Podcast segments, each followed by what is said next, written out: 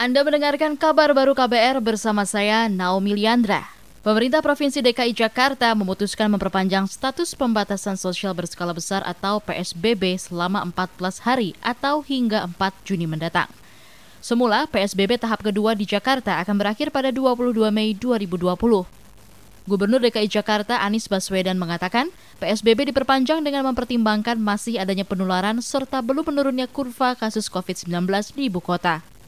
Dengan mempertimbangkan itu semua, melihat langkah-langkah yang sudah kita lakukan dan juga langkah-langkah seluruh masyarakat, maka Pemprov DKI Jakarta, gugus tugas DKI Jakarta, menyampaikan kepada seluruh masyarakat bahwa Jakarta akan menambah PSBB selama 14 hari, mulai tanggal 22 sampai dengan 4 Juni, dan ini akan bisa menjadi PSBB penghabisan jika kita disiplin. Karena itu saya ingin sampaikan kepada semua, jangan sampai kita harus memperpanjang lagi. Gubernur DKI Jakarta Anies Baswedan mengklaim PSBB di ibu kota sudah bisa mengendalikan penularan COVID-19 sehingga tidak meningkat. Berdasarkan data Fakultas Kesehatan Masyarakat atau FKM Universitas Indonesia, sebelum ada PSBB, angka penularan COVID-19 di Jakarta mencapai 4. Artinya, satu orang bisa menularkan COVID-19 ke empat orang lain. Namun usai PSBB dilaksanakan, angka penularan masih sekitar 1,1.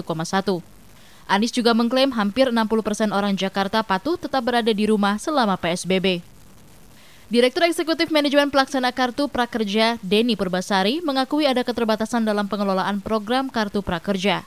Karena keterbatasan itu, program Kartu Prakerja gelombang keempat tertunda.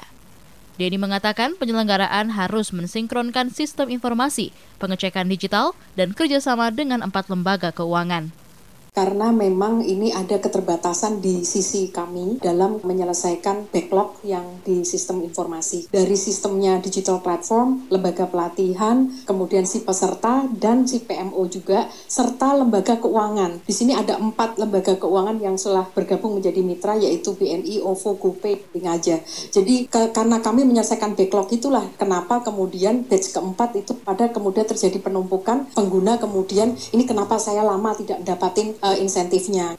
Direktur Eksekutif Manajemen Pelaksana Kartu Prakerja Denny Purbasari beralih selain keterbatasan pihak penyelenggara, penundaan gelombang keempat Kartu Prakerja untuk memberi kesempatan masyarakat lainnya bergabung. Denny Purbasari meminta masyarakat berpikir positif terkait penyelenggaraan Kartu Prakerja. Sebab pemerintah terus berusaha membantu orang-orang terdampak pandemi COVID-19.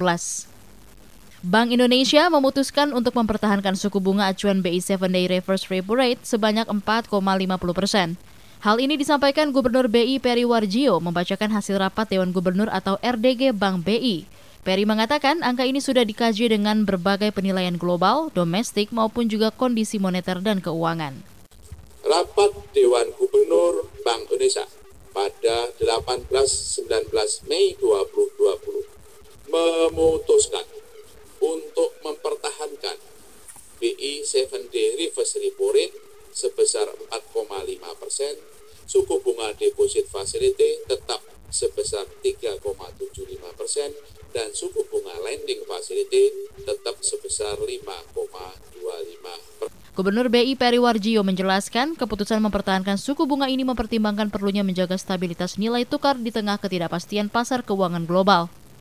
Meskipun Bank Indonesia melihat ada ruang penurunan suku bunga seiring rendahnya tekanan inflasi dan perlunya mendorong pertumbuhan ekonomi, terutama pada tahun ini.